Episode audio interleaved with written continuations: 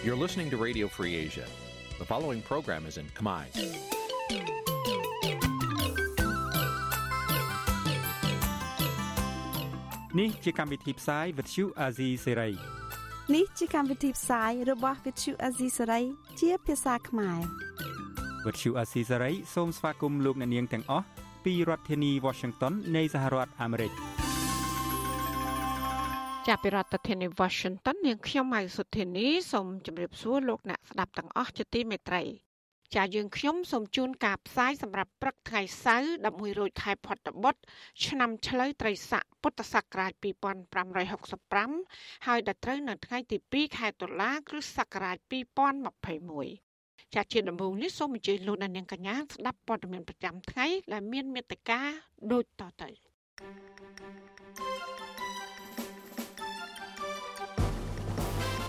សាច់ញាតិសពអ្នកស្លាប់ដោយសារជំងឺ Covid-19 នៅខេត្តបរសៃហនុស្នើស្ថាប័នពាក់ព័ន្ធនិងក្រុមហ៊ុនកាស៊ីណូសងជំងឺចិត្តគណៈកម្មការជំនាញនៃរដ្ឋាភិបាលអូស្ត្រាលីតាមដានករណីបកកណ្ដាលអំណាចបំបែកបំបាក់សហគមន៍ខ្មែរនៅអូស្ត្រាលីចាវត្ថុបុរាណខ្មែរចំនួនជាង100រូបនឹងត្រូវបញ្ជូនពីប្រទេសអង់គ្លេសមកកម្ពុជាវិញ។ សង្គមស៊ីវិលថាបរដ្ឋក្រីក្រនៅតែប្រឈមជីវភាពទោះបីជាកម្ពុជាអាចទទួលបានកំណើនសេដ្ឋកិច្ចជាង2%រួមនឹងព័ត៌មានផ្សេងផ្សេងមួយចំនួនទៀតចាត់ជាបន្តទៅទៀតនេះនាងខ្ញុំម៉ៃសុធានីសូមជូនព័ត៌មានទាំងនោះពឺស្ដាប់ចាលោកអ្នកស្ដាប់ជាទីមេត្រីសាច់ញាតិសពរបស់អ្នកជំងឺ Covid-19 ម្នាក់ដែលជាបុគ្គលិកបម្រើការងារនៅកាស៊ីណូអនឡាញនៅខេត្តបរសៃហនុ ស្នើឲ្យស្ថាប័នពាក់ព័ន្ធនិងក្រុមហ៊ុនទូទាត់ប្រាក់អត្ថប្រយោជន៍របស់សពដើម្បីឲ្យគ្រួសារបានធ្វើបុណ្យចាស់ការអំពាវនាវនេះធ្វើឡើងបន្តបន្ទាប់ក្រោយពីបុគ្គលិកក្រុមហ៊ុនកាស៊ីណូចិនឈ្មោះ The Century បានផ្សាយ live វីដេអូតាមទំព័រ Facebook របស់ពួកគេ ថាថៅកែមិនបានយកចិត្តទុកដាក់ផ្ដល់ការព្យាបាលជំងឺដល់អ្នកឆ្លងជាង400នាក់ដែលនាំឲ្យបុគ្គលិកម្នាក់បានស្លាប់ ហើយលួងលោមឲ្យពួកគេបន្តធ្វើការទាំងឈឺ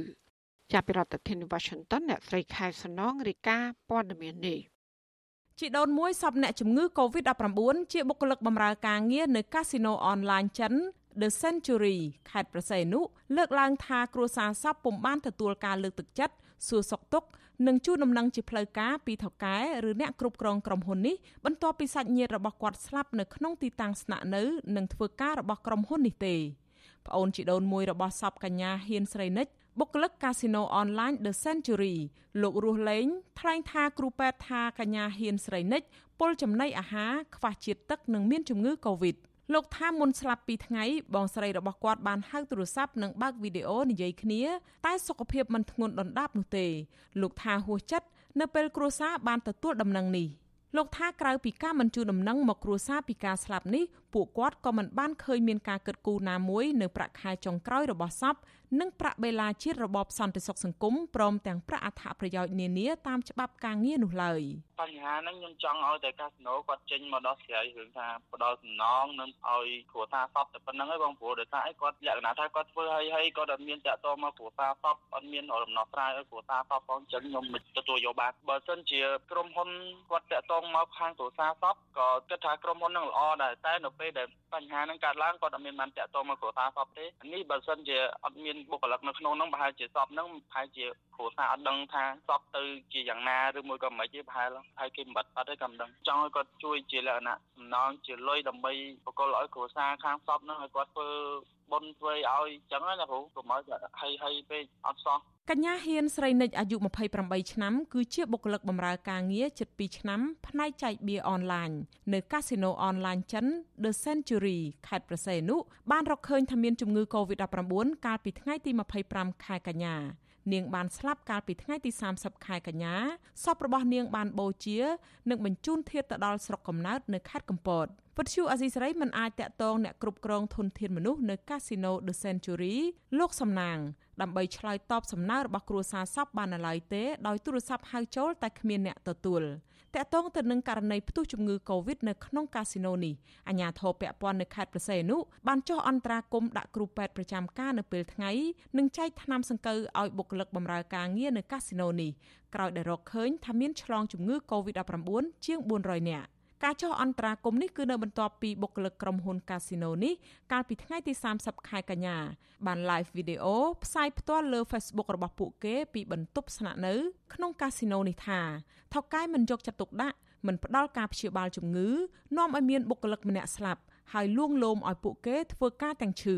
ប៉ុន្តែភ្លាមភ្លាមនៅថ្ងៃដដែលនោះរដ្ឋបាលខេត្តប្រសេនុបានចេញសេចក្តីប្រកាសព័ត៌មានបដិសេធការផ្សាយវីដេអូនោះថាជាការផ្សាយមិនពិតនិងឲ្យបកស្រាយការយល់ច្រឡំលើគ្រូពេទ្យនិងអាជ្ញាធរឡើងវិញព្រោះអាជ្ញាធរបានយកកន្លែងនោះជាទីតាំងព្យាបាលជំងឺផ្ដល់ថ្នាំរួចហើយ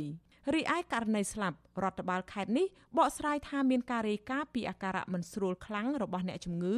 ក្រុមការងារបានយករថយន្តសង្គ្រោះដឹកទៅមន្ទីរពេទ្យបានតែជាងកន្លះម៉ោងក៏បានស្លាប់ ព្រោះតែអ្នកជំងឺបាត់បង់ជាតិទឹកច្រើននិងក្អួតចង្អោរពុលអាហារបុគ្គលិកបម្រើការងារនៅកាស៊ីណូ The Century ដែលឆ្លងជំងឺ Covid-19 ហើយកំពុងស្នាក់នៅនៅក្នុងទីតាំងកាស៊ីណូសមមិនបញ្ចេញឈ្មោះបានផ្ដល់សម្ភារថាក្រោយពីមានបុគ្គលិក live video ភ្លាមភ្លាមអាជ្ញាធរបានដាក់គ្រូពេទ្យ2នាក់ប្រចាំការនៅពេលថ្ងៃនិងចែកថ្នាំឲ្យពួកគាត់តាមដានសុខភាពដែលធ្វើឲ្យអ្នកជំងឺបានកក់ក្ដៅខ្លះដែរពួកគាត់ថាក្រោយតេស្តសំណាក់រោគជំងឺនេះមុនមានអ្នកជំងឺម្នាក់ស្លាប់ គ្រូពេទ្យបានត្រឹមតែចែកថ្នាំទុកឲ្យហូប3ថ្ងៃនិងចងក្រុមបណ្ដាញសង្គម Telegram គ្រូពេទ្យទុកឲ្យពួកគាត់រាយការណ៍នៅពេលមានបញ្ហានានាដែលធ្វើឲ្យពួកគាត់បារម្ភខ្លាំងខ្លាចសង្គ្រោះមិនទាន់ពេលវេលានិយាយរួមគ្រប់យ៉ាងគឺបងទទួលយកបានហើយនៅពេលនេះបងតែបើសិនជាថាស្ថានភាពទៅមុខមានការផ្លាស់ប្ដូរឬក៏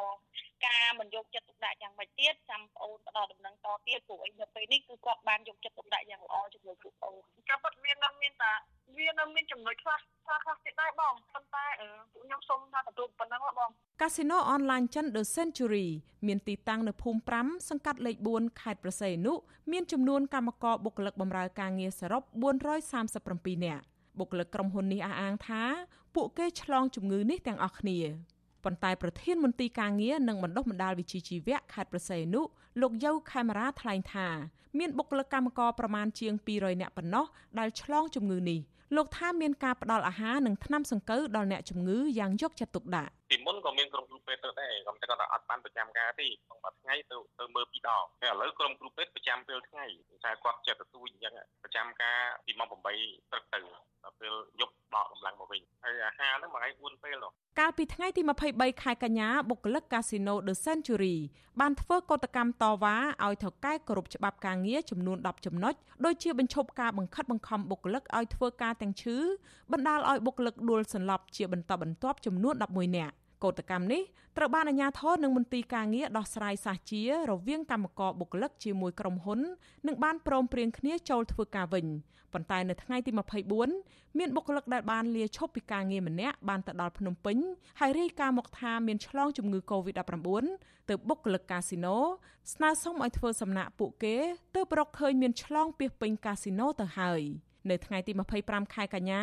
អាជ្ញាធរបានកំណត់យកកាស៊ីណូនេះជាកន្លែងធ្វើចតាឡេសាក់មិនអោយដំណើរការប៉ុន្តែបុគ្គលិកមួយចំនួនបានអះអាងថាពួកគេត្រូវបានថៅកែលួងលោមឲ្យធ្វើការនៅតាមផ្នែកលបែងអនឡាញខ្លះដើម្បីស្រោចស្រង់ការខាត់បងរបស់ក្រុមហ៊ុនបើទោះបីជាពួកគាត់មានជំងឺ Covid ហើយក្តីទាល់តែមានករណីស្លាប់បុគ្គលិកម្នាក់នៅថ្ងៃទី30ខែកញ្ញាទើបក្រុមហ៊ុននេះបិទជាស្ថាពរ ពាក់ព័ន្ធទៅនឹងរឿងនេះប្រធានមន្ទីរការងារនិងម្ដុំម្ដាលវិជាជីវៈខេត្តប្រសេនុលោកយៅខេមរាមិនទាន់បានបញ្ជាក់ពីសំណងដល់អ្នកស្លាប់និងអ្នកធ្វើការងារទាំងឈឺនិងវិធានការប្រឆាំងនឹងកាស៊ីណូនេះនៅឡើយទេចា៎នាងខ្ញុំខែសុណងវັດឈូអាស៊ីសេរីរាយការណ៍ពីរដ្ឋធានី Washington ចាលោកដានីងជាទីមេត្រីពាក់ព័ន្ធនឹងចំនួនអ្នកស្លាប់ដោយសារជំងឺ Covid-19 វិញគឺបានកើនឡើងជាង2300នាក់បន្ទាប់ពីមានអ្នកជំងឺ17នាក់ទៀតបានស្លាប់ ក៏ប៉ុន្តែករណីឆ្លងថ្មីវិញស្រាប់តែបានធ្លាក់ចុះជាគំហុកមកនៅត្រឹមជាង200នាក់នៅថ្ងៃដដែលនេះបើយោងតាមសេចក្តីប្រកាសព័ត៌មានរបស់ក្រសួងសុខាភិបាលចាការថយចុះករណីឆ្លងថ្មីពីជិត1000នាក់ក្នុងមួយថ្ងៃមកនៅត្រឹមជាង200នាក់នេះក៏ព្រោះតែក្រសួងសុខាភិបាលគិតតែលទ្ធផលដែលបញ្ជាក់ដោយម៉ាស៊ីនពិសោធន៍ PCR ប៉ុណ្ណោះ ពីព្រោះក្រសួងមិនបានរាប់បញ្ចូលករណីពិនិត្យតាមឧបករណ៍តេស្តរហ័សនោះឡើយការផ្លាស់ប្តូរនេះកើតមានឡើងក្រោយដែលលោកនាយករដ្ឋមន្ត្រីហ៊ុនសែនបានណែនាំដល់អាជ្ញាធរគ្រប់រាជធានីខេត្តឲ្យផ្អាកការប្រើប្រាស់ឧបករណ៍តេស្តរហ័សដើម្បីពិនិត្យរោគជំងឺ Covid-19 ដោយសារតែលោកយល់ឃើញថាវាមិនសូវមានប្រសិទ្ធភាព ហើយដែលធ្វើឲ្យប្រជាខ្មែរមិនអាចរស់នៅជាមួយជំងឺនេះបានបើទោះបីជាចាក់វ៉ាក់សាំងរួចទៅហើយក្តី។ ចាបច្ចុប្បន្នស៊ីស្រីមិនអាចតកតងរដ្ឋលេខាធិការនិងជាអ្នកនាំពាក្យក្រសួងសុខាភិបាល អ្នកស្រីអាវ៉ាន់ឌិនដើម្បីសាកសួររឿងនេះបានទេកាលពីថ្ងៃទី1ខែតុលាទោះជាយ៉ាងណាបរដ្ឋជាច្រើនបាននាំគ្នាភ្ញាក់ផ្អើលនិងបានចូលទៅបញ្ចេញមតិយោបល់ក្នុងទំព័រ Facebook របស់ក្រសួងសុខាភិបាលតកតងនឹងករណីនេះអ្នកខ្លះបញ្ចេញយោបល់ក្នុងន័យសប្បាយរីករាយដោយខ្សាតែឃើញតួលេខថយចុះ ប៉ុន្តែអ្នកខ្លះទៀតសរសេរថានេះជារឿងគួរឲ្យព្រួយបារម្ភទៅវិញពួកគាត់ថាតួលេខដែលក្រសួងបានប្រកាសថាថយចុះនេះគឺมันបានរាប់បញ្ចូលអ្នកកើតជំងឺ Covid ដែលមិនមានចេញរោគសញ្ញាហើយនឹងអ្នកដែលទទួលលទ្ធផលវិជ្ជមានតាមរយៈឧបករណ៍ធ្វើតេស្តរហ័សនោះឡើយដូច្នេះចំនួនអ្នកឆ្លងជាក់ស្ដែង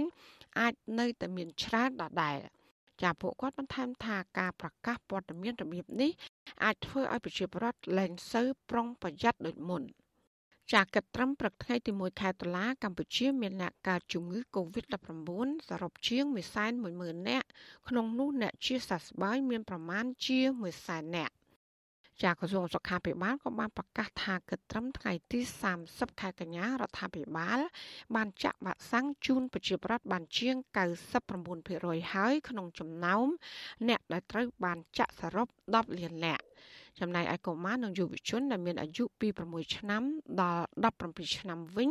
ក្រសួងបញ្ជាក់ថាបានចាក់វ៉ាក់សាំងបានជាង3លាន4សែននាក់ក្នុងចំណោមអ្នកដែលត្រូវចាក់សរុបជិត4លាននាក់ ចាលោកនាងជាទីមេត្រីពាក់ព័ន្ធនឹងសកម្មជនគណៈបកសុខជាតិវិញតឡាការក្រុងភ្នំពេញបានតម្រូវឃុំខ្លួនសកម្មជនម្នាក់គឺលោកទុំបន្ថនដាក់ក្នុងពន្ធនាគារប្រៃសណតាមអំណាចសាលក្រមកំបាំងមុខកាលពីចុងឆ្នាំ2020ជាគ្រួសាររបស់សកម្មជនបកប្រឆាំងរូបនេះចាត់ទុកការសម្រេចរបស់តុលាការថាជារឿងអយុត្តិធម៌ហើយទាមទារឲ្យដោះលែងគាត់វិញ។ ចាសសូមស្ដាប់សេចក្តីរាយការណ៍របស់លោកទីនហ្សាការីយ៉ាអញ្ញាធិរបបលហ៊ុនសែនចាប់ខ្លួនសកម្មជនគណបកប្រឆាំងលោកទុំបន្ថនដើម្បីអនុវត្តទោសនៅក្នុងពន្ធនាគារតឡាការបានផ្តន្ទាទោសលោកកំបាំងមុខកាលពីចុងឆ្នាំ2020ក្នុងពេលលោករស់នៅភៀសខ្លួននៅឯប្រទេសថៃអ្នកនាំពាក្យអាយកាអមស្លាដំបងរាជធានីភ្នំពេញលោកប្លង់សុផលប្រាប់ក្រុមអ្នកសារព័ត៌មានតាមបណ្ដាញសង្គម Telegram នៅថ្ងៃទី1ដុល្លារថាសមត្ថកិច្ចបានចាប់ខ្លួនលោកទុំបន្ថន ដោយសារមានដីកាបង្គាប់ឲ្យចាប់ខ្លួនពីចៅក្រមជំនុំជម្រះនៃសាលាដំបងរាជធានីភ្នំពេញលោកបញ្ជាក់ថាតុលាការបានផ្តន្ទាទោសកំបាំងមុខសកម្មជនគណបកប្រឆាំងរូបនេះឲ្យជាប់ពន្ធនាគារមួយឆ្នាំ8ខែពីបទញុះញង់ឲ្យមានភាពវឹកវរធ្ងន់ធ្ងរដល់សន្តិសុខសង្គមការដាក់ទោសទណ្ឌលើលោកទុំបន្ថននេះគឺជាប់ពាក់ព័ន្ធនឹងការផ្ញើសារតាមលោកសំរងស៊ីដែលអំពាវនាវឲ្យបរដ្ឋផ្អាកសងបំណុលធនាគារបណ្ដោះអាសន្ន រហូតដល់ស្ថានភាពជំងឺ Covid ធូរស្រាលនិងមានជីវភាពល្អប្រសើរឡើងវិញចាំសងធនាគារក្នុងសំណុំរឿងនេះចៅក្រមជំនុំជម្រះសាលាដំបងរាជធានីភ្នំពេញលោករស់ពិសិដ្ឋក៏បានចេញសារក្រមផ្ដន្ទាទោសកំបាំងមុខលោកសំរងស៊ីឲ្យជាប់ពន្ធនាគារ2ឆ្នាំហើយប្រជាជនបបបន្ទិញជាប់ពន្ធនាគារ1ឆ្នាំ8ខែដោយលោកទុំបន្ថនដែរកាលពីថ្ងៃទី30ខែធ្នូឆ្នាំ2020 ទោះជាយ៉ាងណាប្រពន្ធរបស់លោកទុំបន្ថនគឺលោកស្រីសៀងលេងថ្លែងថាការផ្ដន្ទាទោសប្តីលោកស្រីនេះគឺជារឿងអយុត្តិធម៌ព្រោះអ្វីដែលគាត់បានធ្វើគឺដើម្បីផលប្រយោជន៍របស់ប្រជាពលរដ្ឋកម្ពុជាគាត់ថាមានភាពអយុត្តិធម៌អញ្ចឹងណាបងគាត់ហើយមួយទៀតខ្ញុំសូមស្នើសុំឲ្យរាជរដ្ឋាភិបាលហ្នឹងដោះលែងគាត់ឲ្យមានសេរីភាពឡើងវិញអញ្ចឹងបងចារឿងហ្នឹងគឺថាគាត់ធ្វើអីហ្នឹងគឺដើម្បីប្រទេសជាតិអញ្ចឹងណាបងហើយ លោកទុំមន្ថនគឺជាសមាជិកក្រុមរក្សាគណៈបកសង្គ្រោះជាតិនៅសង្កាត់ផ្សារដេប៉ូ2រាជធានីភ្នំពេញសមត្ថកិច្ចបានស្ទាក់ចាប់ខ្លួនលោកនៅមុខផ្ទះក្នុងសង្កាត់ព្រៃសរខណ្ឌដង្កោរាជធានីភ្នំពេញកាលពីល្ងាចថ្ងៃទី29កញ្ញាហហើយបញ្ជូនទៅឃុំខ្លួននៅក្នុងពន្ធនាគារព្រៃសរនៅថ្ងៃទី30កញ្ញា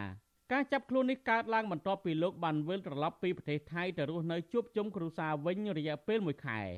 សកម្មជនគណបកប្រឆាំងរូបនេះ ក៏ធ្លាប់ជាប់ពន្ធនាគារជាង2ខែម្ដងរួចបង្ហើយកាលពីខែកញ្ញាឆ្នាំ2019ពា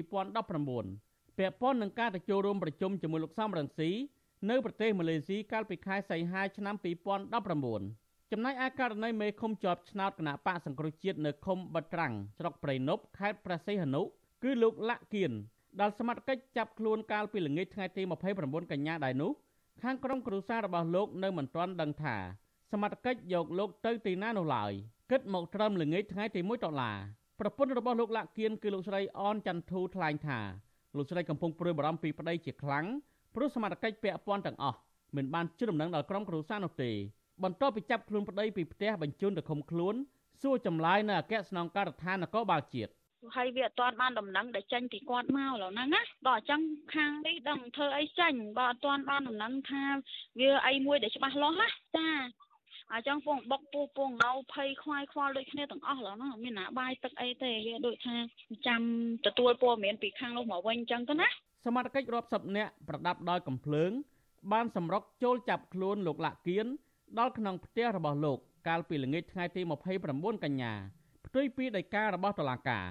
ដីការបស់តុលាការចេញដោយព្រះរាជអាជ្ញារងអមសាលាដំបងរាជធានីភ្នំពេញលោកមុតតារាកាលពីថ្ងៃទី29កញ្ញា គ្រាន់តែបញ្ជាឲ្យលោកលាក់គៀនចូលបំភ្លឺពាក់ព័ន្ធនឹងការចាប់ប្រកាន់រឿងប្រើប្រាស់ឯកសារសាធារណៈខ្លាញ់និងផ្ដាល់សេចក្តីប្រកាសដោយភូតកុហកឲ្យបានមុនថ្ងៃទី29ដុល្លារខាងមុខនៅអង្គភាពជំនាញនៃអគ្គស្នងការដ្ឋាននគរបាលជាតិវិទ្យុអាស៊ីសេរីមិនអាចតតងแนะនាំពាក្យអគ្គស្នងការដ្ឋាននគរបាលជាតិលោកឆាយកំខឿនដើម្បីសាកសួរអំពីការចាប់ខ្លួនលោកលាក់គៀននេះបានទេនៅថ្ងៃទី1ដុល្លារ ចំពោះករណីលោកលាក់គៀននេះបរិយាអាញារងលោកប្លង់សុផលអះអាងថារដ្ឋបាលអាយកានៅពុំទាន់រកឃើញសំណុំរឿងនេះនៅឡើយទេទោះជាសមត្ថកិច្ចបានចាប់ខ្លួនគាត់ពីថ្ងៃមកហើយក្តីជំវិញនឹងរឿងនេះនាយករងទទួលបន្ទុកផ្នែកឃ្លាំមើលសិទ្ធិមនុស្សនៃអង្គការលីកាដូលអំសំអាត មានប្រសាសន៍ថាតាមផ្លូវច្បាប់គឺសមត្ថកិច្ចត្រូវផ្ដល់ដំណឹងជាក់លាក់អំពីជនដែលត្រូវចាប់ខ្លួននោះដល់ក្រុមគ្រួសាររបស់គាត់ដើម្បីកុំឲ្យពួកគេព្រួយបារម្ភ ចំណុចទាំងអស់នេះពីព្រោះវាជាសិទ្ធិរបស់ជនដែលត្រូវចាប់ខ្លួនហើយនឹងជាសិទ្ធិរបស់ក្រុមគ្រួសារគេដែលគេត្រូវការដឹងអំពីសុខទុក្ខនិងកន្លែងដែលត្រូវឃុំឬក៏ឃុំបណ្ដោះអាសន្នឬក៏ខាត់ ខ្លួនបណ្ដោះអាសន្នរបស់ពួកគេហើយបើសិនជាយកទៅមិនមានដំណឹងអានឹងគឺធ្វើឲ្យក្រុមគ្រួសារគេមានការព្រួយបារម្ភហើយជារឿងមួយដែលប៉ះពាល់ទៅដល់សិទ្ធិដែលត្រូវបានទទួលដំណឹងអំពីក្រុមគ្រួសារគេទៀតបាទហើយតើតើនឹងការចាប់នេះខ្ញុំនៅតែគិតដដែលថាការចាប់ពួកគាត់នឹងបញ្ជូននឹងកលៈទេសៈដែលអ្នកនយោបាយផ្លោសម្ដីដាក់គ្នានឹងហើយសកម្មភាពរបស់មេដឹកនាំអតីតគណៈបពប្រឆាំងនៅខាងក្រៅនឹងគូផ្សំផងណាបាទអញ្ចឹងហើយស្រាប់តែមានការចាប់ខ្លួនហ្នឹងគឺគេមើលឃើញថាវាអាចតេតតទៅនឹងនយោបាយមកទល់ពេលនេះអាជ្ញាធររបបលហ៊ុនសែនបានចាប់ខ្លួនសកម្មជនគណៈបកនយោបាយសកម្មជនសិទ្ធិមនុស្សសង្គមនិងបរិស្ថានជិត90នាក់ហើយ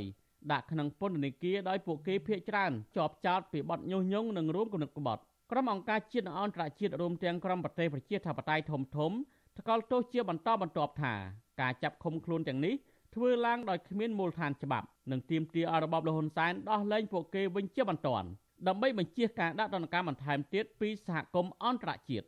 ខ្ញុំទីនសាការីយ៉ាអសិលសេរីប្រធានីវ៉ាស៊ីនតោន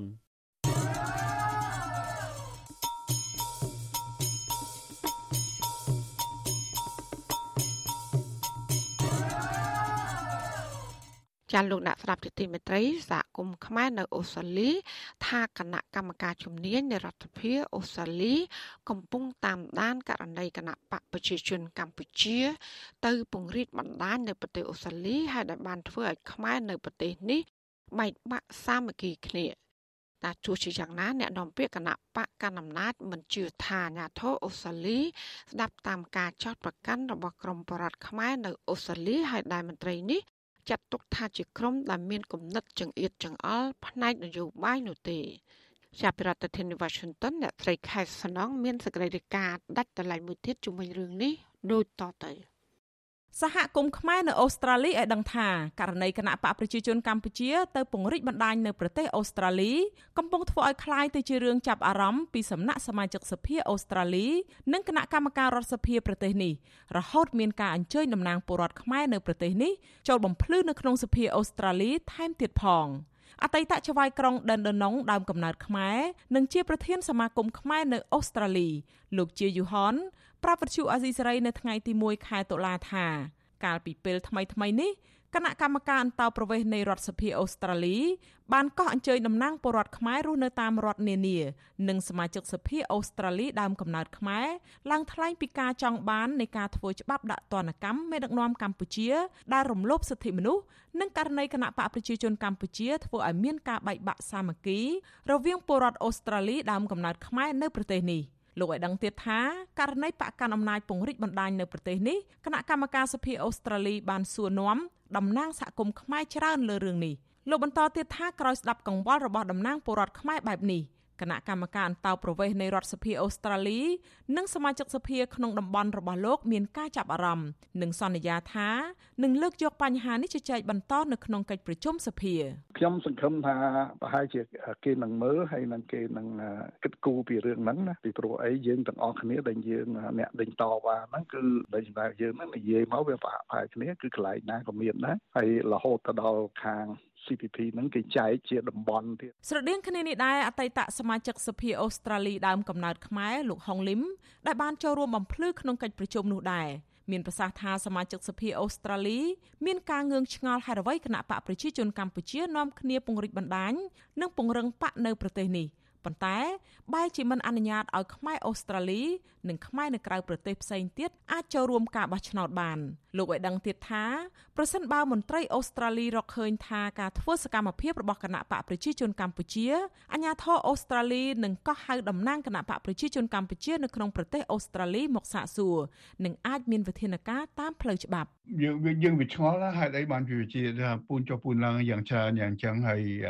នាំនាំឲ្យរដ្ឋាភិបាលនឹងគេចាប់ផ្ដើមថាមានការយកចិត្តដាក់ថាតើខៃលោកគេមានធ្វើអីច្រើនជាងនឹងគេរពីដល់គាត់ខាងមកតែទេព្រោះគាត់ចុះតែមនុស្សសំខាន់សំខាន់ហើយមកចោលការងារសហគមន៍ខ្មែរនៅអូស្ត្រាលីរកឃើញថាកូនប្រុសលោកហ៊ុនសែនគឺលោកហ៊ុនម៉ាណែត បានចាត់តាំងមន្ត្រីជាន់ខ្ពស់របស់ខ្លួនស្ទើរគ្រប់ផ្នែកឲ្យទៅពង្រឹងបកនៅប្រទេសអូស្ត្រាលី និងនូវែលសេឡង់ក្នុងតំបន់ដែលមានខ្មែររស់នៅច្រើនចំនួន9តំបន់ផ្សេងផ្សេងគ្នាអ្នកអនុវត្តផែនការដឹកនាំផ្ទាល់ជាមនុស្សចំណិតរបស់លោកហ៊ុនម៉ាណែតគឺរដ្ឋលេខាធិការក្រសួងយុតិធធលោកកឹមសន្តិភាព ប្រពន្ធដដាលឲ្យដឹងថាយុទ្ធសាស្ត្រនេះដើម្បីតាក់ទាញទិញទឹកចិត្តខ្មែររស់នៅក្រៅប្រទេសឲ្យងាកមកគាំទ្រគណៈបកប្រជាជនកម្ពុជា ជាថ្នូរទៅនឹងការផ្ដល់ភាពងាយស្រួលមករកស៊ីនៅកម្ពុជា ផ្ដល់លុយកាក់និងការទទួលបានផលប្រយោជន៍ជាច្រើនទៀតតាក់ទងករណីនេះវត្តឈូអេស៊ីសេរីមិនអាចសុំការឆ្លើយតបពីលោកហ៊ុនម៉ាណែតបានទេនៅថ្ងៃទី1ខែតុលាចំណែកលោកកឹមសន្តិភាព នៅពេលឮថាអ្នករាយការណ៍ព័ត៌មានវត្តឈូអេស៊ីសេរីលោកបានចុចបិទទូរស័ព្ទ ទោះជាយ៉ាងណាកន្លងមកលោកកឹមសន្តិភាពធ្លាប់សរសេរនៅលើ Facebook របស់លោកថាប្រជាពលរដ្ឋខ្មែរនៅអូស្ត្រាលី និងនូវែលសេឡង់គ្មានការបែកបាក់ទេ លោកលើកឡើងទៀតថាលោកទុកពេលវេលាដើម្បីជួយដោះស្រាយសំណុំពររបស់ប្រជាពលរដ្ឋខ្មែរនៅអូស្ត្រាលីនិងនូវែលសេឡង់ប្រសើរជាងនិយាយជាមួយវិទ្យុអាស៊ីសេរីទោះជាលោកកឹមសន្តិភាពលើកឡើងបែបនេះប៉ុន្តែសកម្មជនគណៈបកសង្គ្រោះជាតិនៅប្រទេសអូស្ត្រាលីដែលតាមដានដំណើររឿងនេះដែរលោកខៀវតារាយល់ថា ការធ្វើសកម្មភាពរបស់គណៈបកប្រជាជនកម្ពុជានៅប្រទេសអូស្ត្រាលីអាចបង្កផលប៉ះពាល់ដល់ប្រទេសអូស្ត្រាលី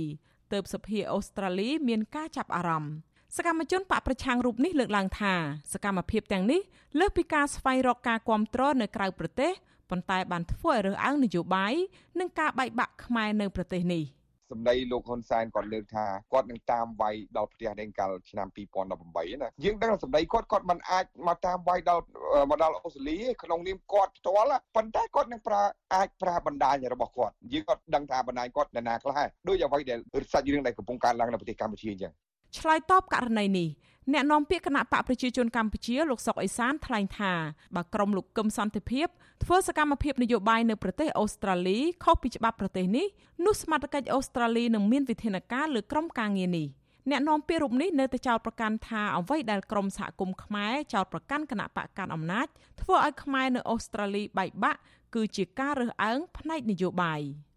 ខ្ញុំអត់ទាយទុកមុនទេបើសិនណាជាក្រមការងារឯកឧត្តមគឹមសុភាពទៅធ្វើមិនត្រឹមត្រូវអានឹងអញ្ញាធរគេមិនមែនតែត្រឹមសភាទេរដ្ឋាភិបាលអូស្ត្រាលីនេះគេនឹងមានប្រតិកម្មមកជាពិសេសទូតអូស្ត្រាលីនៅភ្នំពេញនឹងប្រកាសជាគេមានប្រតិកម្មមិនល្អហើយក៏ប៉ុន្តែវាអត់មាន សហគមន៍ខ្មែរនៅអូស្ត្រាលីលើកឡើងថាក្រមលោកកឹមសន្តិភាព បានសហការគ្នាជាមួយស្ថានទូតខ្មែរប្រចាំនៅប្រទេសនេះដើរទិញទឹកចិត្តពលរដ្ឋអូស្ត្រាលីដើមកំណើតខ្មែរហើយជារៀងរាល់ឆ្នាំ ពួកគេតែងតែធ្វើពិធីដឹងគុណថ្ងៃ7មករានិងរារាំងនិស្សិតអាហារូបករណ៍មិនឲ្យចូលរួមធ្វើសកម្មភាពជួយសង្គមជាមួយសហគមន៍ខ្មែរជាដើមប្រពន្ធដដែលបន្តថាទង្វើទាំងនេះធ្វើឲ្យខ្មែរនៅអូស្ត្រាលីមានការប្រកាន់និន្នាការនយោបាយមើលមុខគ្នាមិនចំដោយមានការចោទប្រកាន់ថាក្រុមនេះជាបកកាន់អំណាចក្រុមនោះជាបកប្រឆាំងជាដើម ក្រៅពីនេះបកកណ្ដាលអំណាចបានប្រើប្រាស់លុយរបស់ខ្លួនដើម្បីបញ្ជ្រាបមនុស្សរបស់ពួកគេចូលទៅក្នុងគណៈកម្មការវត្តរហូតធ្វើឲ្យមានចំនួននៅក្នុងវត្តអារាមថែមទៀតផងលោកជាយូហនរំពឹងថារដ្ឋសភាអូស្ត្រាលីនឹងលើកយកករណីនេះទៅជជែកដេញដោលនៅក្នុងកិច្ចប្រជុំសភាពេញអង្គហើយនឹងបញ្ជូនទៅព្រឹទ្ធសភា និងចុងក្រោយបញ្ជូនទៅរដ្ឋាភិបាល កាលពីខែកក្កដា រដ្ឋាភិបាលអូស្ត្រាលីកំពុងរៀបចំកែប្រែច្បាប់ដើម្បីដាក់ទណ្ឌកម្មជនទាំងឡាយណាដែលពាក់ព័ន្ធទៅនឹងអំពើទុច្ចរិតនិងការរំលោភសិទ្ធិមនុស្សធ្ងន់ធ្ងរច្បាប់នេះធ្វើឲ្យអូស្ត្រាលីមានសមត្ថភាពដាក់ទណ្ឌកម្មហិរញ្ញវត្ថុនិងហាមឃាត់បុគ្គលនិងអង្គភាពទាំងឡាយណាដែលជាប់ពាក់ព័ន្ធទៅនឹងអំពើឧក្រិដ្ឋនិងទុច្ចរិតទាំងអស់មិនឲ្យជន់ទឹកដីអូស្ត្រាលី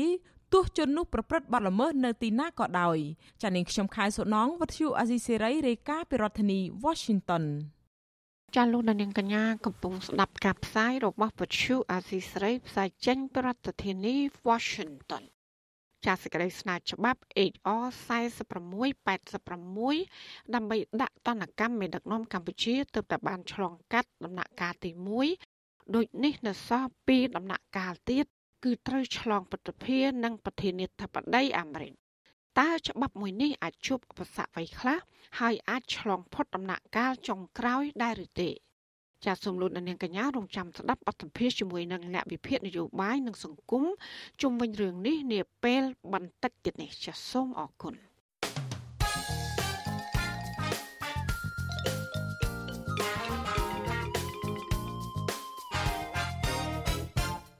ចាលោកនានីយទីមេត្រីក្រសួងសាធារណការនិងដឹកជញ្ជូនបដិញ្ញារដ្ឋបន្តឹងការអនុវត្តច្បាប់ ចំពោះអ្នកដែលដឹកលើទម្ងន់កំណត់ដើម្បីថែទាំផ្លូវថ្នល់ឲ្យបានល្អក៏ប៉ុន្តែមន្ត្រីសង្គមស៊ីវិលមិនទាន់ជឿលើការអះអាងនេះទេ ពីព្រោះមានរឿងអាស្រូវជាច្រើនដែលមន្ត្រីជំនាញទទួលប្រយោជន៍ពីម្ចាស់យានយន្តដែលដឹកលើទម្ងន់ជាធ្នូមិនអនុវត្តច្បាប់ រដ្ឋមន្ត្រីក្រសួងសាធារណការនិងដឹកជញ្ជូនលោកសុនចន្ទថុលប្រកាសថាក្រសួងនឹងប្រឹងប្រែងអនុវត្តវិធានការគ្រប់គ្រងដើម្បីទប់ស្កាត់យានយន្តដែលដឹកជញ្ជូនលើទម្ងន់កំណត់ដោយរៀបចំប្រព័ន្ធបច្ចេកវិទ្យាទំនើបបន្ថែមទៀតដើម្បីចាប់រថយន្តទាំងនោះហើយនឹងលុបបំបាត់អំពើពុករលួយនៅតាមស្ថានីយ៍ជញ្ជីងនីមួយៗ ចារដ្ឋមន្ត្រីក្រសួងសាធារណការរូបនេះអះអាង ថាមន្ត្រីជំនាញមិនដែលទទួលការអន្តរាគមន៍ណាមួយ ពីបុគ្គលមានអំណាចជាថ្នូរនឹងការដោះលែងរថយន្តដែលដឹកលើសទម្ងន់នោះទេលោកសុនចន្ទថលអំពីនីវអភិជាប្រដ្ឋចូលរួមគ្រប់ច្បាប់ទាំងអស់គ្នា ដើម្បីទប់ស្កាត់ការដឹកលើសទម្ងន់ឲ្យមានប្រសិទ្ធភាពយើងខ្ញុំមិនដែលលែងឡានមួយគ្រឿងណាទាល់តែសុទ្ធដែលមានអន្តរាគមអ្នកនេះឬអ្នកនោះ ឲ្យដោះលែងរថយន្តនោះជាក់ស្ដែងឲ្យ229គ្រឿងនេះមានការដោះលែងឡានណាមួយគ្រឿងទាល់តែសតនេះជាវិធានការរួមមួយ ក្នុងឱកាសជុំបិណ្ឌនេះហើយយកឱកាសនេះដើម្បីយើងខ្ញុំនេះផ្សព្វផ្សាយច្បាប់នេះឲ្យទលំទលាយថែមទៀត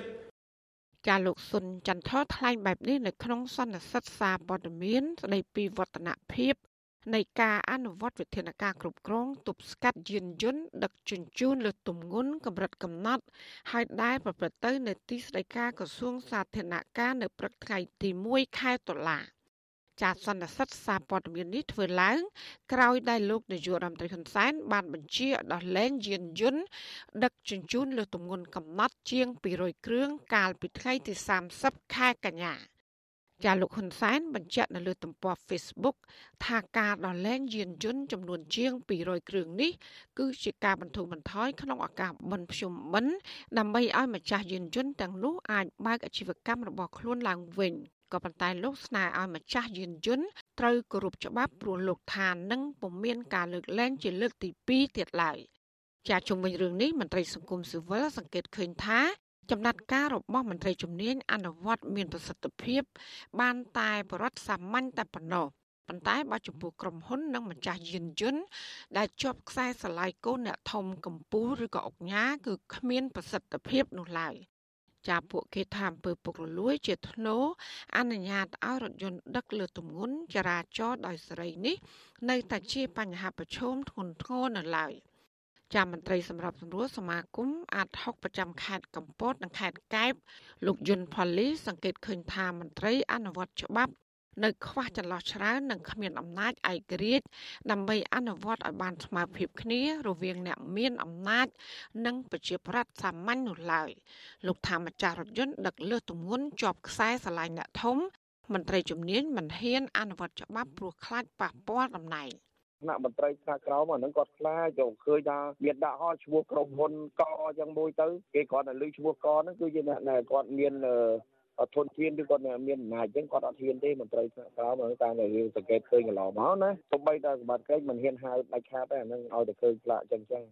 ចារីឯនាយកប្រតិបត្តិអង្គការសម្ព័ន្ធកណន័យភាពសង្គមកម្ពុជាលោកសនជ័យវិញលោកក៏យល់ឃើញថាការចាប់រថយន្តខាត់ទុកយូរបែបនេះ នឹងបង្កផលប៉ះពាល់ដល់ការប្រកបរបរអាជីវកម្មរបស់អ្នកដឹកជញ្ជូនចាហេតុនេះលោកថាក្រសួងគួរតែផាកពិន័យដោយធានាថានឹងមិនបង្កឲ្យមានបាត់ល្មើសបន្ថែមទៀត ចាលោកយល់ថាប៉ះសិនបើអ្នកមានអំណាចណាមួយ មានឥទ្ធិពល មកលើក្រសួងជំនាញគឺនឹងបង្កឲ្យមានបញ្ហាដល់ផ្លូវថ្នល់ហើយរដ្ឋាភិបាល នៅតែចំណាយថវិកាជាតិដដែលដដែលដើម្បីជួសជុលនឹងការកែលម្អឡើងវិញជាប្រការនេះលោកថារដ្ឋគួរតែរកមធ្យោបាយដើម្បីកុំឲ្យអ្នកមានអំណាចទាំងនោះឆ្មក់ឱកាសអន្តរាគមប៉ះពាល់ដល់ការអនុវត្តច្បាប់របស់ក្រសួងជំនាញ។ វិធានការឬក៏ការអនុវត្តច្បាប់ដើម្បីស្កាត់ការដឹកលើទម្ងន់នេះផ្ដល់សិទ្ធិពេញលេញឲ្យក្រសួងសាធារណការនៅដឹកជញ្ជូនអនុវត្តការងាររបស់ខ្លួនគឺជារឿងល្អមួយហើយការមានអន្តរាគមណាផ្សេងទៀតឬក៏ការធ្វើឲ្យមានអតិពលមកលើក្រសួងជំនាញខ្ញុំគិតថាវាគឺជាហេតុផលមួយដែលអាចនឹងធ្វើឲ្យមានបញ្ហាដល់ផ្លូវថ្នល់របាយការណ៍ក្រសួងសាធារណការឲ្យដឹងថារយៈពេល9ខែឆ្នាំ2021នេះ មានរថយន្តដឹកលើទម្ងន់កំណត់ជិត580,000គ្រឿងគឺស្មើប្រមាណជា31%ក្នុងចំណោមរថយន្ត1លាន8សែនគ្រឿងដែលមន្ត្រីជំនាញបានត្រួតពិនិត្យចាត់ទន្ទឹមនេះបច្ចុប្បន្នក្រសួងមានជញ្ជីងថ្លឹងអចល័តចំនួន33ទីតាំងនៅតាមផ្លូវជាតិនានាហើយនឹងជញ្ជីងចល័តពីក្រុមបន្ថែមទៀតដើម្បីទប់ស្កាត់រថយន្តដឹកលើសទម្ងន់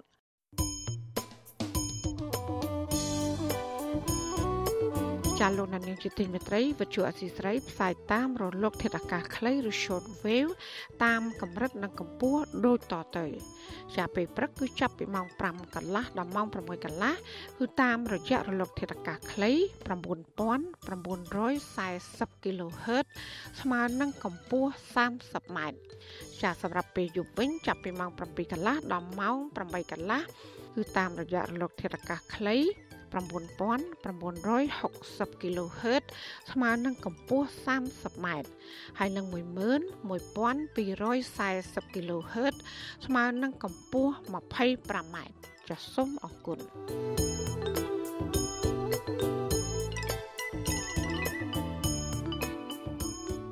ចាលោកនានីជាទីមេត្រីពីខេត្តបន្ទាយមានជ័យឯនោះវិញ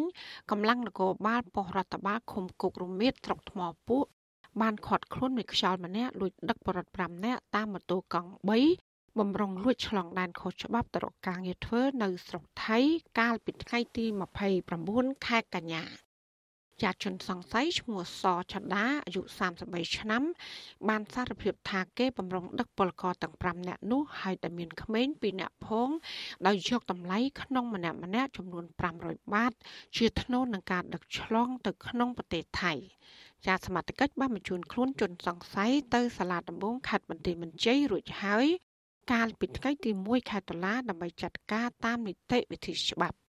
ចាដែលឡែកបរដ្ឋទាំង5នាក់សមត្ថកិច្ចក៏បានណែនាំនឹងធ្វើកិច្ចសន្យារួចហើយក៏អនុញ្ញាតឲ្យធ្វើត្រឡប់ទៅលំនៅឋានវិញ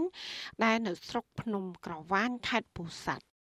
ចាប់បញ្ហាការលួចឆ្លងដែនរបស់ប្រដ្ឋខ្មែរនេះកើតមានឡើងជាបន្តបន្ទាប់បើទោះបីជាអាជ្ញាធរនៃប្រទេសកម្ពុជានិងថៃ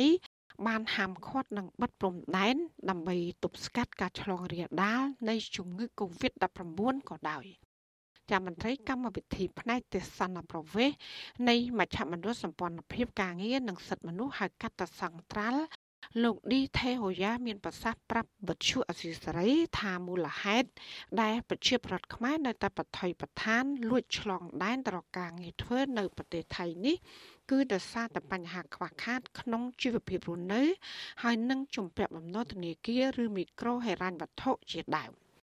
ហេតុផលសំខាន់សំខាន់ណាគឺថាទី1គាត់មានបញ្ហាប្រឈមពាក់ព័ន្ធនឹងជីវភាពគាត់អត់មានការងារធ្វើ អ្នកខ្លះមានដីស្រែដែលចំការធ្វើបានទទួលបានផលល្អអ្នកខ្លះក៏ត្រូវការជំពាក់ជំពាក់អំណុលគេដោយរឿងគឺពាក់ព័ន្ធនឹងបញ្ហាជីវភាពដែលគាត់មិនអាចទ្រទ្រង់ជីវភាពបាននៅស្រុកខ្មែរយើងហ្នឹងហេតុផលទី1បាទហេតុផលទី2យើងឃើញថានៅក្នុងប្រទេសកម្ពុជារបស់យើងហ្នឹងគឺมันមានការងារគ្រប់គ្រាន់សម្រាប់ពួកគាត់ គាត់ត្រូវផ្សងព្រេងទៅរកការងារនៅថៃនេះដើម្បីគិតថានៅថៃនេះមានការងារច្រើនប្រាក់ឈ្នួលក៏ប្រសើរជាងនៅក្នុងស្រុកដែរចាអង្គការសង្ត្រាល់ឲ្យដឹងថាចាប់តាំងពីខែមករារហូតដល់ខែកក្កដាឆ្នាំ2021នេះគឺមានប្រជាប្រដ្ឋខ្មែរប្រមាណជាជាង700នាក់ដែលត្រូវបានឃាត់ខ្លួនពាក់ព័ន្ធនឹងការលួចឆ្លងដែនខុសច្បាប់ទៅរកការងារធ្វើនៅប្រទេសថៃ។ ចាក្នុងនោះមនុស្សជាង300នាក់ត្រូវបានអាជ្ញាធរចាប់ខ្លួននិងបញ្ជូនទៅចាត់ការតាមច្បាប់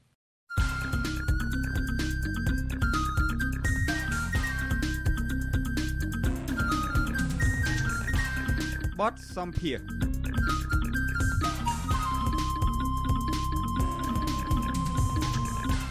ចាលោកនានីជាទីមេត្រីរដ្ឋាភិបាលអាមេរិកថ្មីថ្មីនេះ បានអនុម័តច្បាប់ដាក់ទណ្ឌកម្មលើមន្ត្រីរបបលោកហ៊ុនសែនដោយសម្លេងគាំទ្រច្រើនលើសលប់ពីតំណាងរាស្ត្រនៃគណៈបកប្រជាធិបតេយ្យនិងគណៈបកសាធារណរដ្ឋចាស់ច្បាប់នេះនឹងឲ្យមន្ត្រីរបបលោកហ៊ុនសែនថងថ្លៃបំផ្លាញសេរីភាពរបស់ប្រជាប្រដ្ឋខ្មែរដោយដាក់ទណ្ឌកម្មលើមន្ត្រីជាន់ខ្ពស់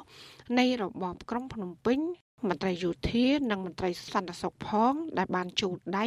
ក្នុងការរំលោភសិទ្ធិមនុស្សនិងបំផ្លាញប្រជាធិបតេយ្យតើសេចក្តីស្នើច្បាប់ HR 4686នេះអាចត្រូវឆ្លងកាត់ឧបសគ្គអ្វីខ្លះចាប់សូមលោកនាងកញ្ញាស្ដាប់បទសម្ភាសន៍របស់លោកសេកបណ្ឌិត និងអ្នកវិភាគសង្គមលោកបណ្ឌិតសេងសារីជុំវិញរឿងនេះដូចតទៅខ្ញុំបាទសូមជម្រាបសួរលោកបណ្ឌិតសេងសារីពីចម្ងាយបាទ ជំរាបសួរបាទជំរាបសួរបាទបាទអឺលោកបណ្ឌិតច្បាប់ HR 4686នេះទើបនឹងឆ្លងកាត់កងពន្ធទី1នៅឡើយគឺដំណាក់កាលប្រសិទ្ធិក៏ប៉ុន្តែនៅក្នុងពីរដំណាក់កាលទៀតគឺដំណាក់កាលប្រសិទ្ធិនិងដំណាក់កាលប្រធានធិបតីអាមេរិកដែលត្រូវចុះហត្ថលេខាចង់បានការវិភាគពីលោកបណ្ឌិតវិញនៅក្នុងដំណាក់កាល2ទៀតខាងមុខនេះច្បាប់នេះនឹងជួបបញ្ហាអ្វីខ្លះនៅក្នុងការដែល អនុម័តឲ្យបានឆ្លងផុតដល់កងពន្ធទី3ឬក៏คล้ายទៅជាច្បាប់ពេញលេញដើម្បីយកទៅប្រើប្រាស់ជាប្រយោជន៍ទៅដល់ប្រជាពលរដ្ឋកម្ពុជានិងអ្នកពាក់ព័ន្ធដទៃទៀតនោះបាទសូមជិះបាទអរគុណតាមពិតទៅបើយើងបើយើងមើលថាច្បាប់នេះវាឆ្លងកងពន្ធទី1ហើយពីទូទៅយើងមើលឃើញថាយើងនៅពីរកងពន្ធទៀតដែលយើងត្រូវឆ្លងក៏ប៉ុន្តែសម្រាប់ខ្ញុំខ្ញុំមើលឃើញថាវានៅរហូតដល់3 3ឯណោះ3កងពន្ធបាទ កងពន្ធទី1គឺនៅក្នុងដៃព្រឹទ្ធសភាអឺបើសិនជាក្នុងករណីព្រឹទ្ធសភារបូតចេញពីដៃព្រឹទ្ធសភាមកដល់ដៃប្រធានាធិបតីដើម្បីចុះហត្ថលេខាហើយអនុញ្ញាតឲ្យច្បាប់នេះប្រើជាផ្លូវការក៏ប៉ុន្តែទោះបីយ៉ាងណាក៏ដោយមិនប្រកាសថាប្រធានាធិបតីជូបៃដិននឹងនឹងប្រើច្បាប់នេះនៅក្នុងការអនុវត្តភ្លាមភ្លាមទៅលើកម្ពុជាទេវាអាស្រ័យទៅលើតំណែងតំណងការទូតដែលជាកងពាន់ចុងក្រោយ បើសិនជាក្នុងករណីច្បាប់នេះធ្លាក់ទៅដល់ដៃប្រធានាធិបតីហើយប្រធានាធិបតីមិនប្រើសិទ្ធិវេតូនៅក្នុងការមិនចុះហត្ថលេខាច្បាប់នេះនឹងคล้ายទៅជាច្បាប់ផ្លូវការក៏ប៉ុន្តែទោះបីយ៉ាងណាក៏ដោយ ស្ថានភាពទំនាក់ទំនងទ្វេភាគីរវាងកម្ពុជា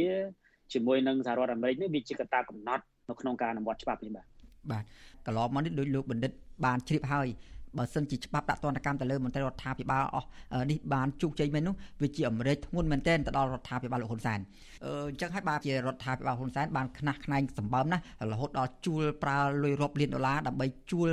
មនុស្សសំខាន់សំខាន់អ្នកល្បីល្បីផ្នែកច្បាប់នៅក្នុងសហរដ្ឋអាមេរិកនេះឲ្យធ្វើយ៉ាងម៉េចដើម្បីទៅធ្វើសារណាឬមួយក៏ធ្វើសេចក្តីព្រៀងណាមួយដើម្បីទប់ទល់ទៅនឹងសេចក្តីស្នើច្បាប់នានាពាក់ព័ន្ធនឹងការដាក់ទណ្ឌកម្មទៅលើប្រទេសកម្ពុជាជាពិសេសដាក់ទណ្ឌកម្មទៅលើមន្ត្រីរបស់លោកសំខាន់សំខាន់ដែលនៅក្នុងសេចក្តីស្នើច្បាប់នោះបានចោទថាពួកគាត់កំពុងតែចូលដៃចូលជើងក្នុងការបំផ្លាញប្រជាធិបតេយ្យកម្ពុជានោះថ្មីថ្មីនេះលោកផៃស៊ីផានក៏បានលើកឡើងដែរថាចុងបញ្ចប់នៃសេចក្តីស្នើច្បាប់ទាំងឡាយដែលមានគោលដៅដាក់ទណ្ឌកម្មទៅលើប្រទេសកម្ពុជានោះនឹងមិនអាចទៅរួចទេ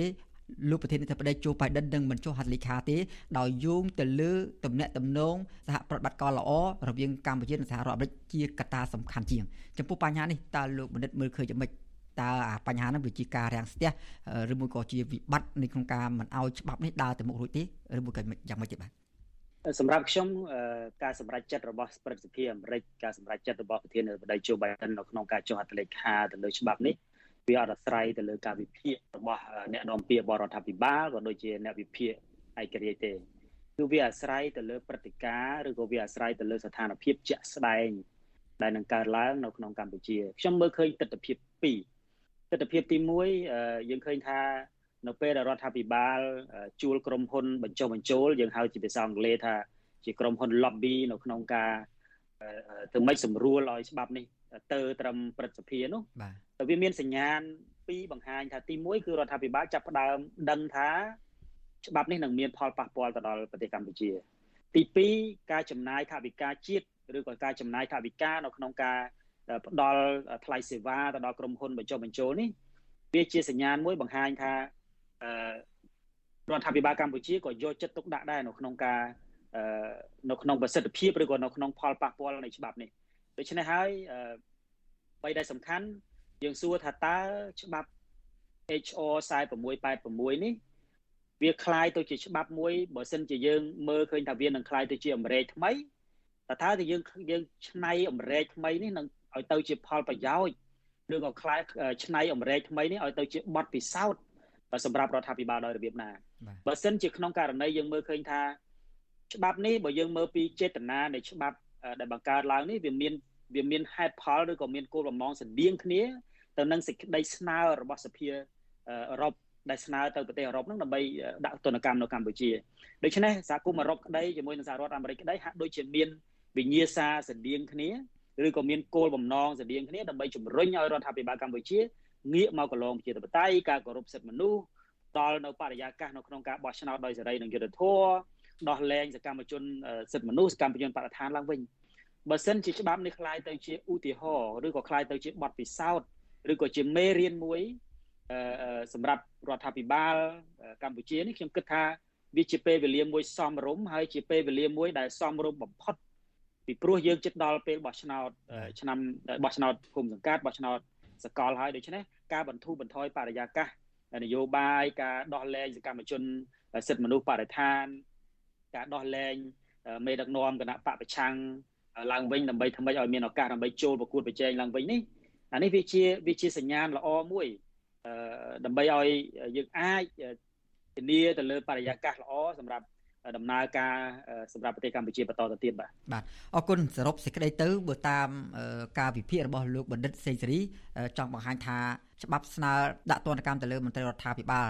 ឬហៅថាច្បាប់ប្រជាធិបតេយ្យឆ្នាំ2021នេះដើរទៅមុខរួចឆ្លងផុតកងពន្ធទី 2ទៀតដែលលោកបណ្ឌិតថាមានរហូតដល់3ដំណាក់កាលទៀតនោះ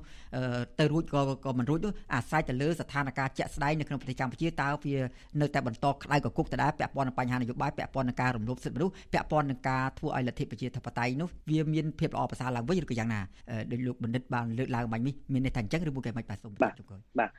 យើងយើងឃើញថាកូនអុកតាមពិតទៅកូនអុកនៅក្នុងដៃរដ្ឋាភិបាលបាទវាច្បាស់ណាស់បង្ហាញថានៅពេលដែលរដ្ឋាភិបាល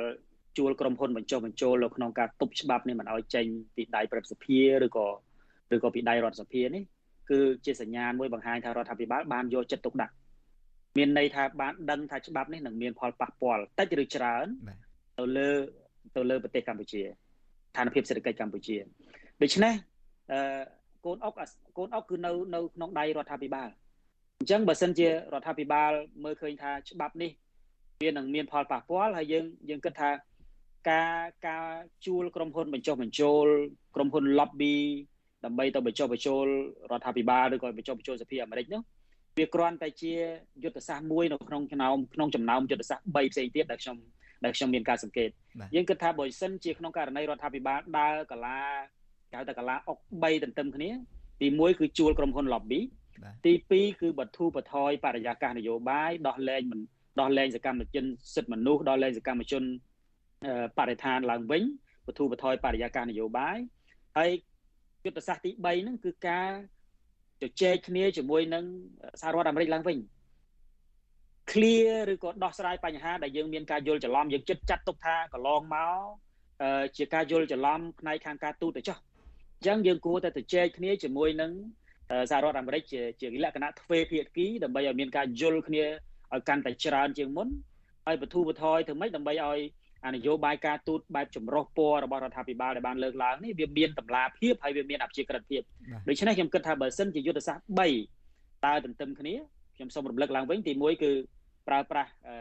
ក្រុមហ៊ុនបញ្ចុះបញ្ចូលក្រុមហ៊ុន lobby ទី2បទូបថយបរិយាកាសនយោបាយដោះលែងសកម្មជនសិទ្ធិមនុស្សបរិស្ថានទី3ទៅចែកជាមួយសហរដ្ឋអាមេរិកជាលក្ខណៈទ្វេភាគីខ្ញុំគិតថា ច្បាប់នេះនឹងមិនអាចចេញពីចេញលំបូតចេញពីដៃរបស់ប្រតិភិសហរដ្ឋអាមេរិកទេបាទហើយអ្វីដែលខ្ញុំព្យាយាមផ្ដល់ជាគំនិតនេះគឺមានន័យថាខ្ញុំក៏អត់ចង់ឃើញច្បាប់ហ្នឹងចេញមកដើម្បីជាទណ្ឌកម្មទី4ឬក៏ទណ្ឌកម្មថ្មីមួយទៀតសម្រាប់ប្រទេសកម្ពុជាដែលយើងកំពុងតែត្រួតត្រោមដោយសារតែការដកប្រព័ន្ធអនុគ្រោះពន្ធពន្ធ EBA ការបាត់នៅប្រព័ន្ធអនុគ្រោះពន្ធ GSP ហើយនឹងយើងកំពុងតែត្រុតត្រោមដោយសារតែការវាយប្រហារពី COVID-19 នេះបាទបាទតាមការវិភាគរបស់លោកតើដំណាក់កាលចុងក្រោយអញ្ចឹងតើកម្ពុជាគួរតែគិតតែអំពីរឿងកៅអីគិតតែពីរឿងអំណាចផ្ដាច់មុខរបស់ខ្លួនម្នាក់ម្នាក់ ឬមួយក៏គួរតែគិតដល់វាសនាអនាគតរបស់ប្រទេសជាតិគួរគិតដល់វាសនារបស់ប្រជាពលរដ្ឋដែលកំពុងតែជួបវិបត្តិធ្ងន់ធ្ងរគ្រប់យ៉ាងតាំងពីសេដ្ឋកិច្ចផងតាំងពីបញ្ហា COVID-19 ផងនិងបញ្ហាផ្សេងៗទៀតនោះនៅអាការដាក់ទណ្ឌកម្មរំកោះជុំវិញខ្លួនអញ្ចឹងថែមទៀតនោះតើកម្ពុជាគួរតែប្រើភាពឆ្លាតវៃរបស់ខ្លួននៅក្នុងដំណាក់កាលនេះឬមួយក៏យ៉ាងណាទេលោកមនិតបាទខ្ញុំមិនព្យាយាមផ្ដល់ជាគំនិតឬក៏ជាអនុសាសន៍សម្រាប់អ្នកនយោបាយជាន់ខ្ពស់ហើយជាពិសេសអ្នកនយោបាយដែលមានបទពិសោធន៍ ក្នុងកិច្ចការងារនយោបាយមិនតិចជាង20ឆ្នាំទេប៉ុន្តែអ្វីដែលខ្ញុំអាចស្នើបានគឺខ្ញុំអាចស្នើទៅអ្នកនយោបាយដែលកំពុងតែប្រកួតប្រជែងអំណាចគ្នានៅក្នុងប្រទេសកម្ពុជាហ្នឹងក៏លេខមើលប្រវត្តិសាស្ត្រខ្លះថាតើការឆ្លោះគ្នាវាអាចជាដំណោះស្រាយទេហើយជាពិសេសចំនួននយោបាយដែលប្រើប្រាស់ចុងកណ្ដុងចំនួននយោបាយដែលប្រើប្រាស់វោហារសាស្ត្រវាយប្រហារគ្នានេះវាវាមិនមែនជាដំណោះស្រាយទេកន្លងមកយើងឃើញថាកម្ពុជាមិនមែនមិនមានបទពិសោធន៍សោះនៅក្នុងការ កិច្ចឬក៏នៅក្នុងការដោះស្រាយបញ្ហានយោបាយចំនួននយោបាយនៅកម្ពុជាបច្ចុប្បន្ននេះវាមិនធ្ងន់ធ្ងរពេកទេបើធៀបជាមួយនឹងចំនួននយោបាយឆ្នាំទសវត្សរ៍80ឬក៏70នោះដូច្នេះខ្ញុំនៅតែជឿខ្ញុំនៅតែជឿថាចំនួននយោបាយនេះនៅតែអាចយកមកជជែកគ្នា តាមរយៈការចរចាតាមរយៈការជជែកហើយអ្នកនយោបាយទាំងពីរភាគីនេះគួរតែដកឃ្លាមួយជំហានម្នាក់នៅក្នុងការធ្វើម៉េចរក្សាផលប្រយោជន៍ ហើយខ្ញុំចង់ជម្រាបជូនថាប្រហែលជាពួកគាត់ជាអ្នកនយោបាយជាន់ខ្ពស់ហ្នឹងដឹងច្បាស់ណាស់ថាកម្ពុជាបច្ចុប្បន្ននេះកំពុងតែដើរមើលផ្កានៅមាត់ជ្រោះអំឡុងពេលដែលយើងកំពុងតែរីករាយជាមួយនឹងការរីកចម្រើនផ្នែកខាងសេដ្ឋកិច្ចក៏ប៉ុន្តែយើងក៏នៅចន្លោះនៃការប្រកួតប្រជែងអំណាចរវាងមហាអំណាចទាំងពីរដែរបើសិនជាយើងមានការសម្រេចចិត្តខុសតែបន្តិចយើងនឹងអាចធ្លាក់ជ្រោះនយោបាយនៃការប្រកួតប្រជែងអំណាចដូច្នេះហើយមានតែការត្រឡប់មកការចរចាត្រឡប់មកការជជែកគ្នាឡើងវិញទេ ដើម្បីបង្ហាញថាអ្វីដែលយើងសម្រេចចិត្តគឺសម្រេចចិត្តរួមដើម្បីធានាធ្វើម៉េចឲ្យដើរឆ្លងផុតមាត់ជ្រោះដែលយើងកំពុងតែប្រឈមបច្ចុប្បន្ននេះបាទបាទអរគុណច្រើនលោកបណ្ឌិតដែលបានចំណាយពេលវេលាដ៏មានតម្លៃផ្ដល់បទវិភាគជាមួយនឹងវិទ្យុអសីសេរីនៅក្នុងវិទ្យុនេះបាទសូមអរគុណជម្រាបលាលោកបណ្ឌិតសេងសេរីតែប៉ុណ្ណេះសិនបាទអរគុណបាទជម្រាបលាបាទ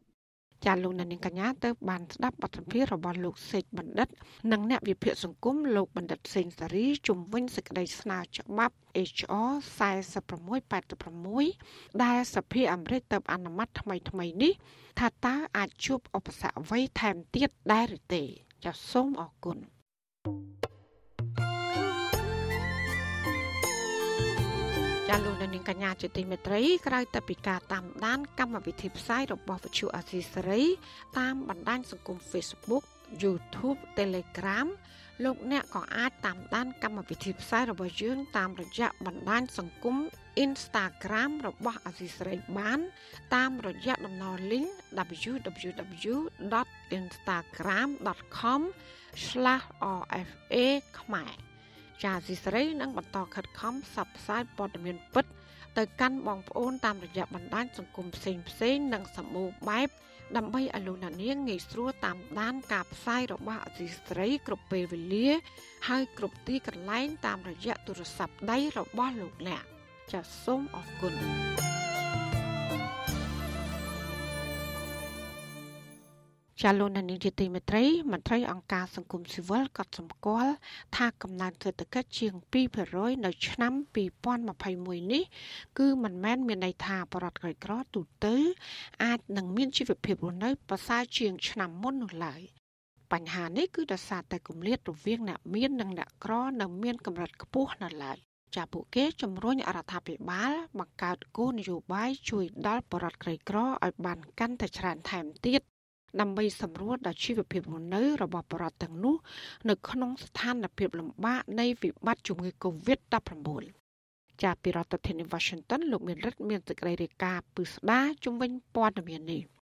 មន្ត្រីអង្គការសង្គមស៊ីវិលមិនរំពឹងថាកំណើនសេដ្ឋកិច្ចដែលកម្ពុជាអាចទទួលបាននៅក្នុងរង្វង់ជាង2%នេះអាចនឹងជួយឲ្យជីវភាពរស់នៅរបស់ពលរដ្ឋក្រីក្រ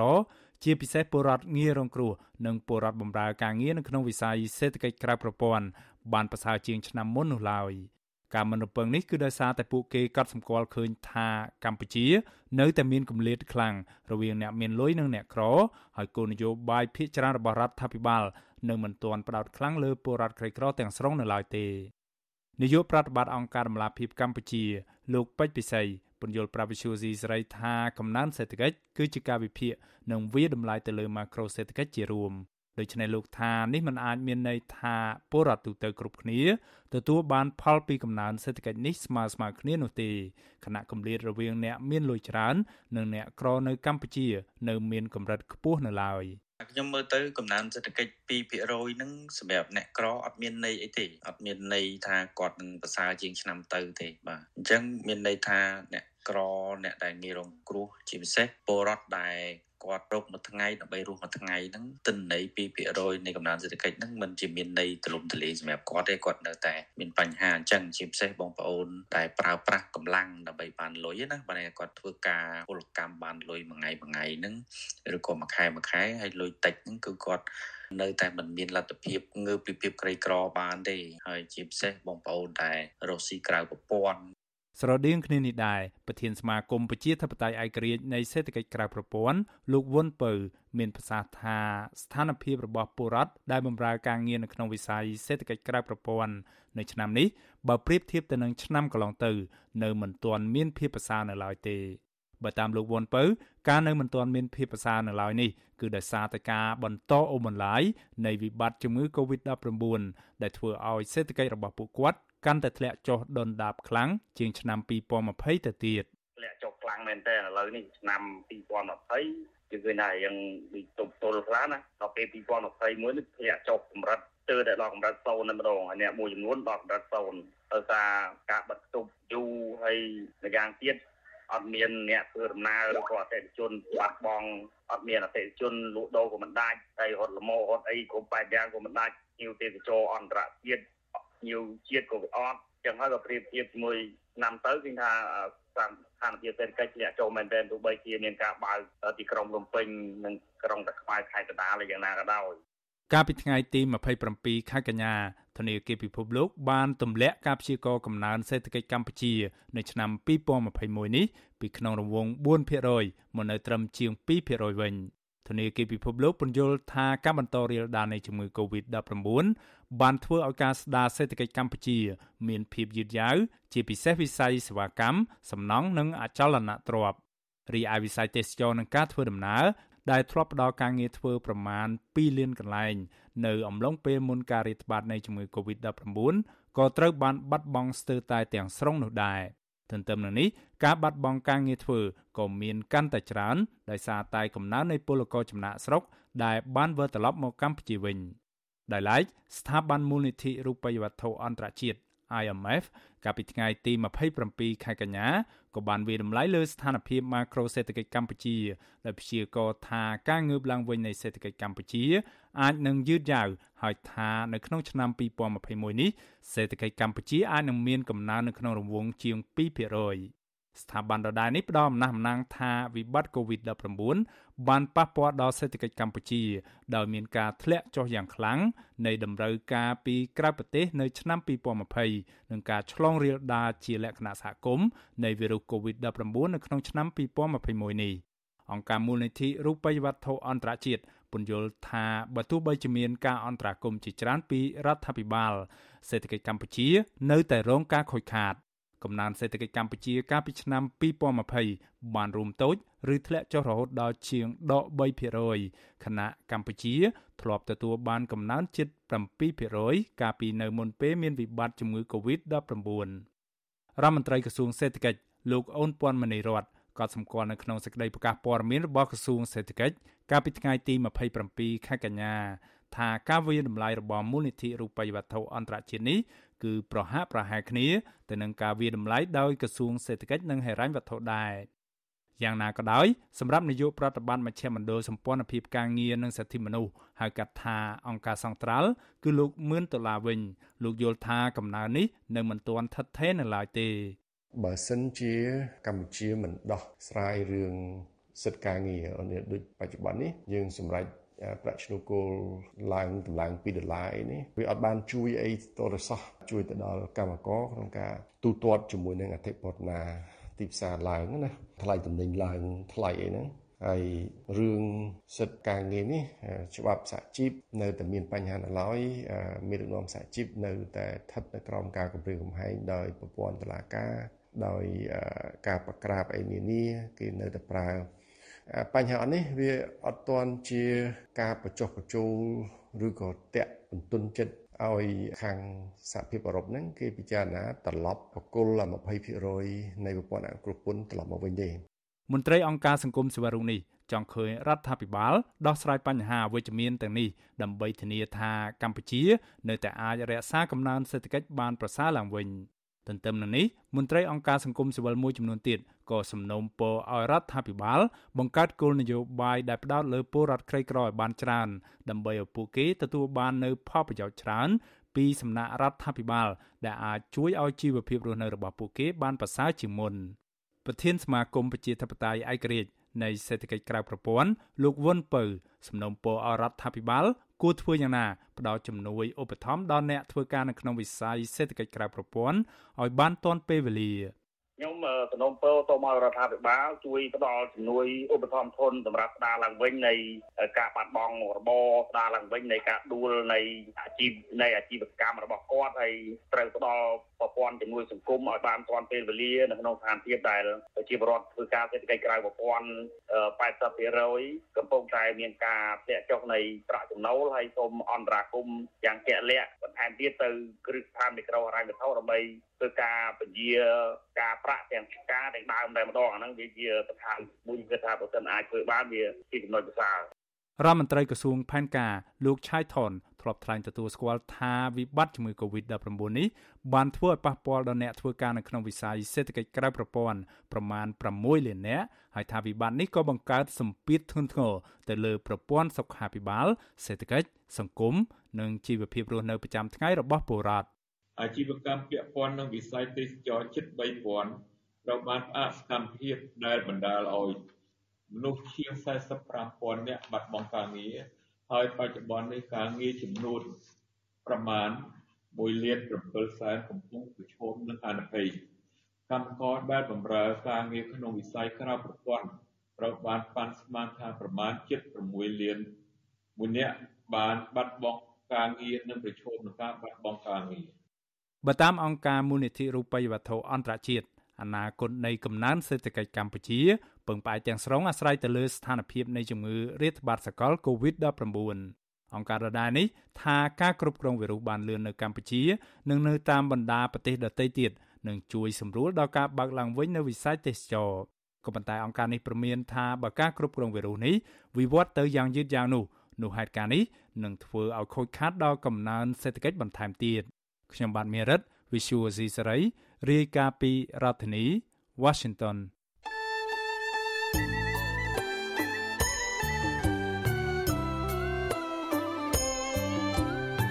ចាលោកនាងកញ្ញាអ្នកស្ដាប់យុតិមេត្រីកັບផ្សាយរយៈពេល1ម៉ោងនៃវិទ្យុអាស៊ីសេរីជាភាសាខ្មែរនៅពេលនេះចាប់តែប៉ុណ្ណេះ